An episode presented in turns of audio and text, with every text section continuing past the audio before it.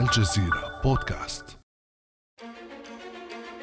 Hello everyone. I'm an English artificial مرحبا جميعا. أنا مذيع ذكاء اصطناعي إنجليزي. هذا أول يوم عمل لي. صوتي وصورتي هي محاكاة للمذيع جانج جاو وهو مذيع حقيقي مع شركة زانج جاو المعنية بالابتكار الإعلامي.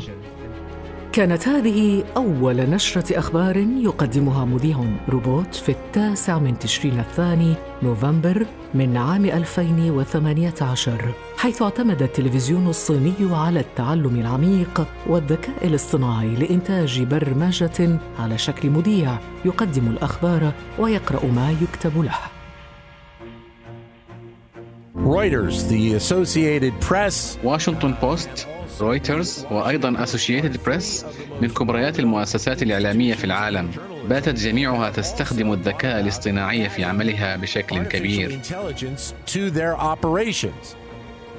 صحيح أن التقنيات الحديثة تقتحم حياتنا منذ سنوات إلا أنها اليوم توغلت أكثر في وظائف حيوية. كان الإنسان يعتقد أنها مساحته الخاصة وأنها عصريه على الروبوت.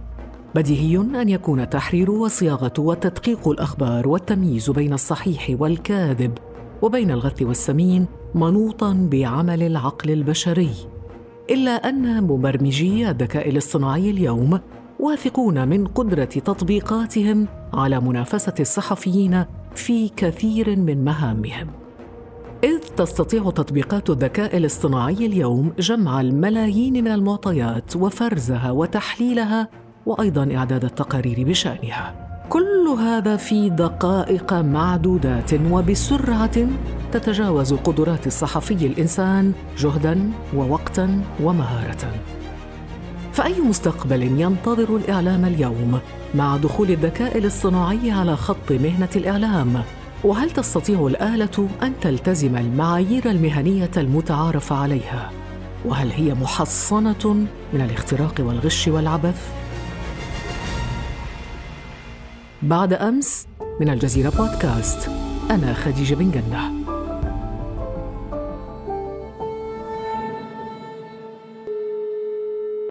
أسعد اليوم بإستضافة زميلي أمجد شلتوني الصحفي في غرفة أخبار الجزيرة أهلا وسهلا بك أمجد. أهلا بك خديجة سعيد جدا بوجودي معكم وانضمامي إلى هذا الجمهور الواسع من محبيك وعشاق هذا البرنامج وعشاق خديجة على يا وعلى أمجد. التلفزيون. أهلا بك. تسلم يا أمجد. خلينا في البداية نعود إلى عام 2018 عندما أطلقت الصين أو التلفزيون الصيني كما ذكرنا من قبل أول مذيع إخباري من نوعه الآن تعلمت برمجيات أو خوارزميات الذكاء الاصطناعي طريقة كلام المذيع وتقوم بعد ذلك بقراءة الأخبار بصوت هذا المذيع بصورة هذا المذيع بدل المذيع البشري. بداية أمجد اشرح لنا في عجالة أولا ما هو الذكاء الاصطناعي في مجال الإعلام.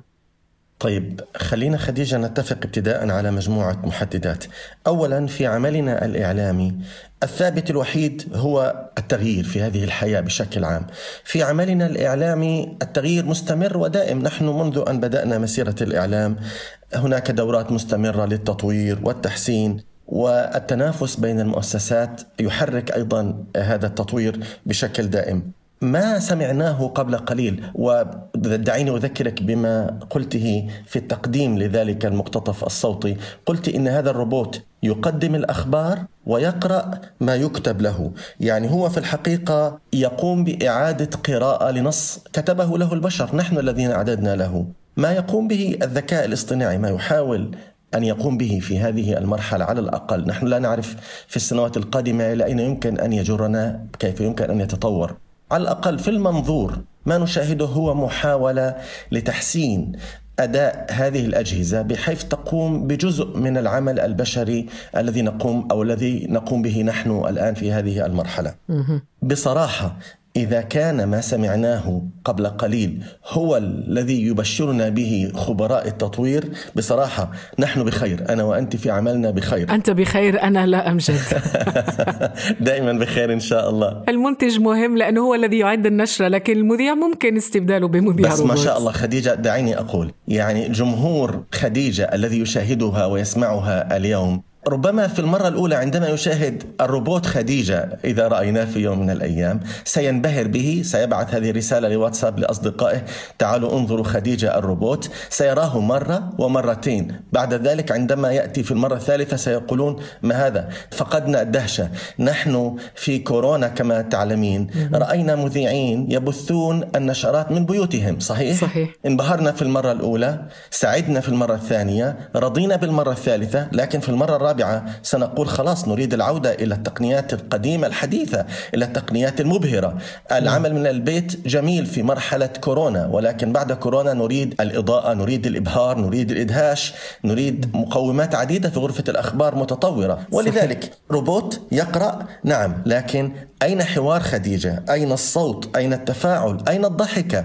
أين السؤال عندما تقولين مثلا وأنت تسألين السؤال ماذا يحدث إذا حصل كذا وقد حصل معي بالفعل؟ أنت تتحدثين عن تجربة شخصية. هذا كله يدل على أن الوجود البشري لا غنى عنه. سيسعدنا الوجود الروبوت في لحظة من اللحظات لكنه لن يبقى معنا.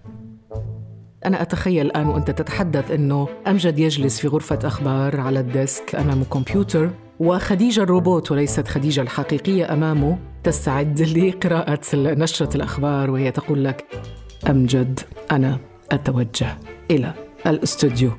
فكرة أن يعمل أمجد أو أي صحفي داخل غرفة أخبار ومعه زملاء من الروبوتات يعني ما معنى دخول هذا الذكاء الاصطناعي إلى غرفة أخبار بحجم الجزيرة أو أي غرفة أخبار في العالم؟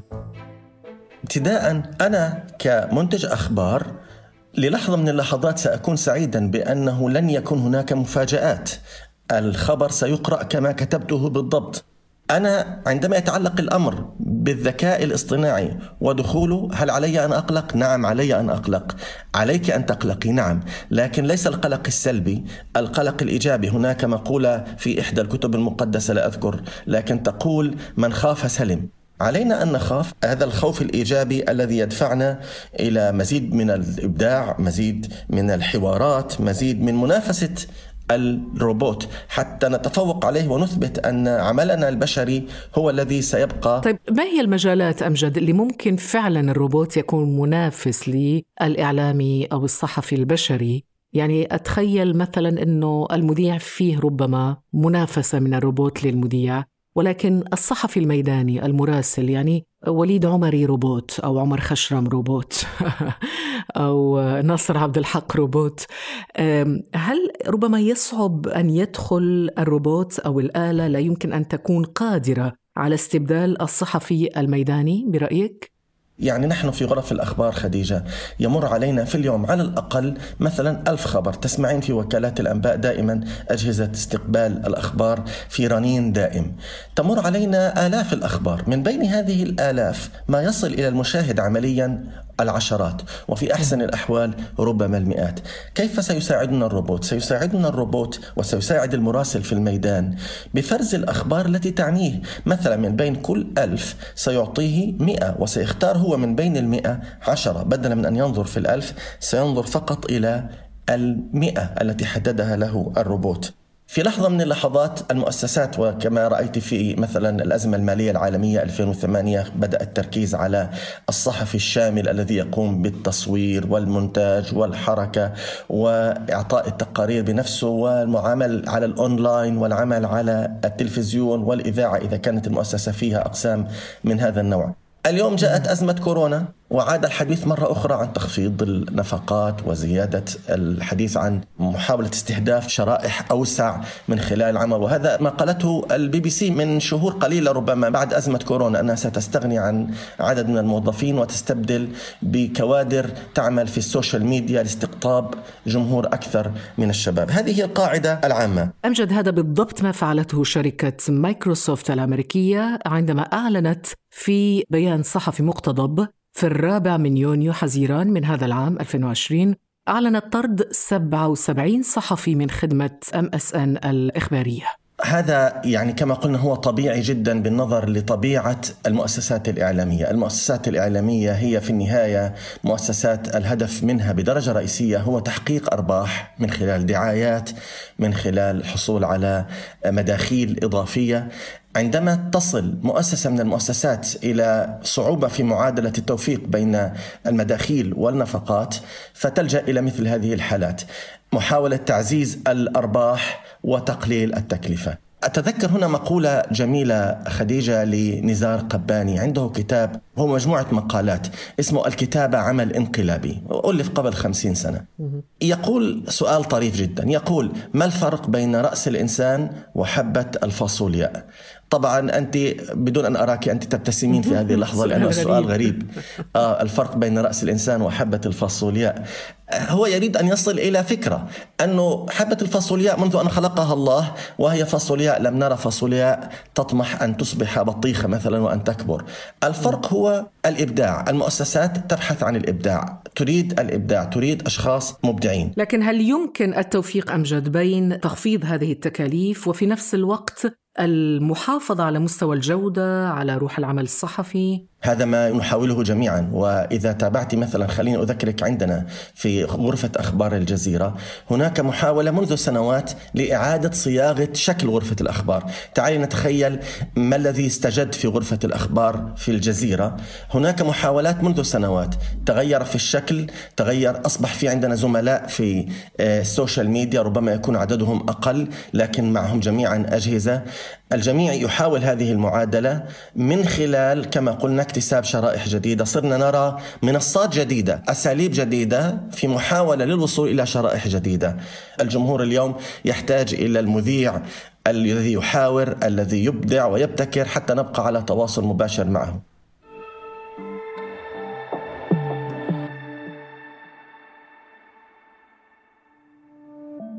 ابدأ بالاستماع الآن ولا تنسى تفعيل زر الاشتراك الموجود في تطبيقك لتصلك حلقاتنا اليومية فور صدورها. ابقى على تواصل مستمر مع الجزيرة بودكاست عبر صفحاتنا على فيسبوك، تويتر وإنستغرام.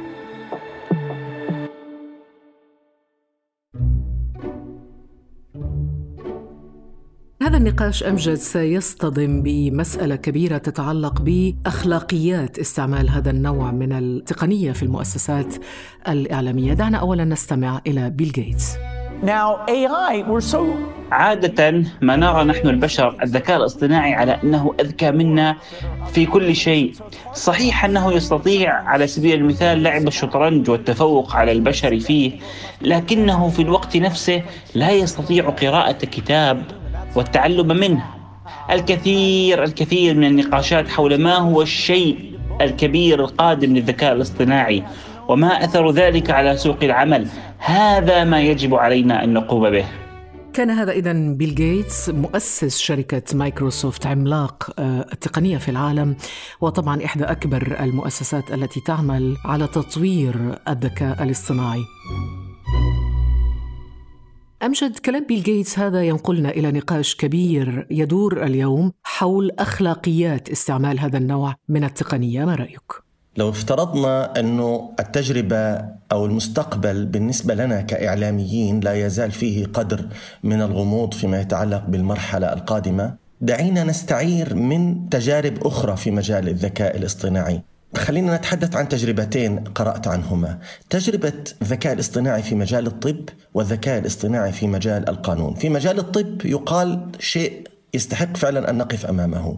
يقال إن الكثير من المجالات الطبية والمهن العاملة في ميدان الطب، طبعا هذا الكلام قبل كورونا الآن استعاد الكثير من العافية آه، مستقبل الطب، لكن كان يقال أنه المجال الوحيد الذي سيبقى حيا وسيبقى هناك حاجة للعمل فيه هو مجال خليني أسميه الطبابة الإنسانية القرب من المريض اللمسة الإنسانية التي تقول للمريض أنت بخير لا تقلق ستكون بخير. هل أخذت الدواء اليوم؟ اليوم وجهك ما شاء الله أصفى. في القانون وتعرفين القانون أسهل من العمل الإعلامي. القانون هناك مجموعة جرائم مجموعة جنح. يأتي الشخص يضع معلومات عن الجريمة ثم يعطيه الحكم القانون لكن أيضا هنا لابد من تدخل بشري لأنه كما نعلم القانون في جانب كبير منه متعلق بحيثيات الحكم لكن جميل المثال الأول أمجد الطب لما الطبيب يعني يلمس المريض ويطمئنه يقول له وجهك أصفى اليوم ومنور أيوة.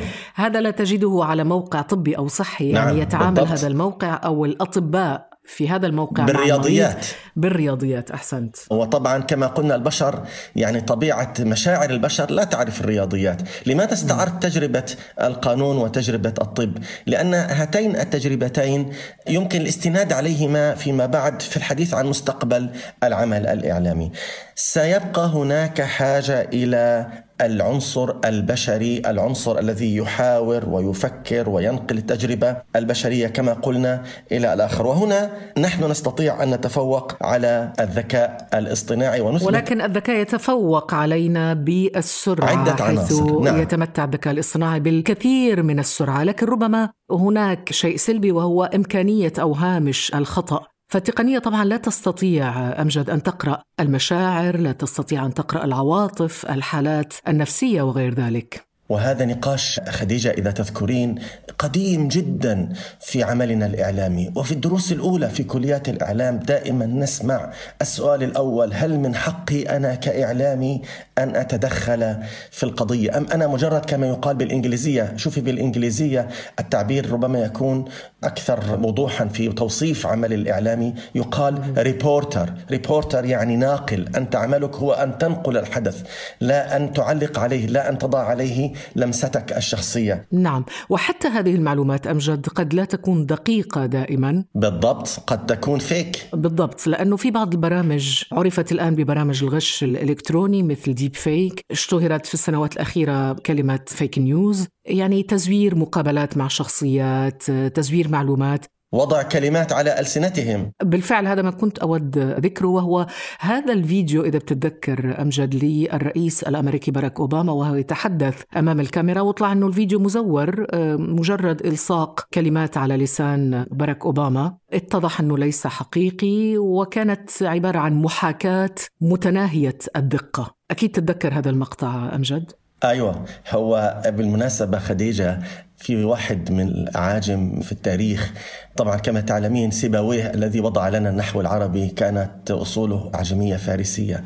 فجاء بعض الأعاجم وقال لأحد العرب قال نحن الأعاجم من وضع لكم أصول النحو العربي. لولانا لما كنتم تحسنون اللغة العربية. فرد عليه العربي وقال أنتم أفسدتم اللغة فحق عليكم حسب يعني الغنم بالغرم حسب نظرية التعويض. أنتم أفسدتم اللغة فكان لزاما عليكم أن تضعوا نظاما للنحو ليصلحها مرة أخرى ويبدو أن شركات التقنية شعرت بأنها أفسدت بالديب فيك فهي نفسها اليوم تعطينا أدوات لمواجهة الديب فيك. نعم ولكن هذا يقودنا إلى سؤال أمجد وهو سؤال مهم، هل هناك حدود أخلاقية للمؤسسات الإعلامية في استخدام الذكاء الاصطناعي؟ وهذا ما بدأت به بالفعل كما تلاحظين هذه الأيام في نشرات الأخبار عندما توضع صور الفيديو هناك حرص شديد الآن على ذكر المصدر وعلى التوثيق لكل شيء يوضع على الشاشة حتى الصور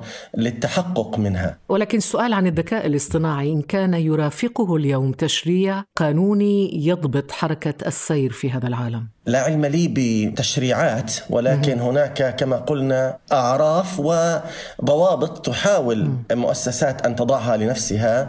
كما قلنا بكثير من التوضيح بكثير حتى من الاستعداد للاعتذار لأنه نقع أحيانا بمطبات ومن يعمل يخطئ. طب في مرحلة الروبوت سؤال غريب شوية بس في مرحلة الروبوت التي قد تكون ربما لا مفر منها قادمة هل يمكن لأمجد أن يجلس في غرفة أخبار ويقوم بإعداد نشرة ويسلمها لي مذيع روبوت أو مذيعة؟ كما قلت سيكون سعيدا في لحظة من اللحظات ولكنه لن يكون على درجة من الانبهار بما ستقدمه لأن في النهاية ستقول نفس الكلام. إذا أراد أمجد وزملاء أمجد والمذيعون أن يحصلوا على نسبة أكبر من المشاهدة وهذا هو الذي نتنافس فيه جميعا فنحن لا نريد المذيع الروبوت. المذيع الروبوت لا مكان له في المرحلة القادمة. شكرا جزيلا لك أمجد الشلتوني. أهلا وسهلا بك خديجة. كان هذا بعد أمس.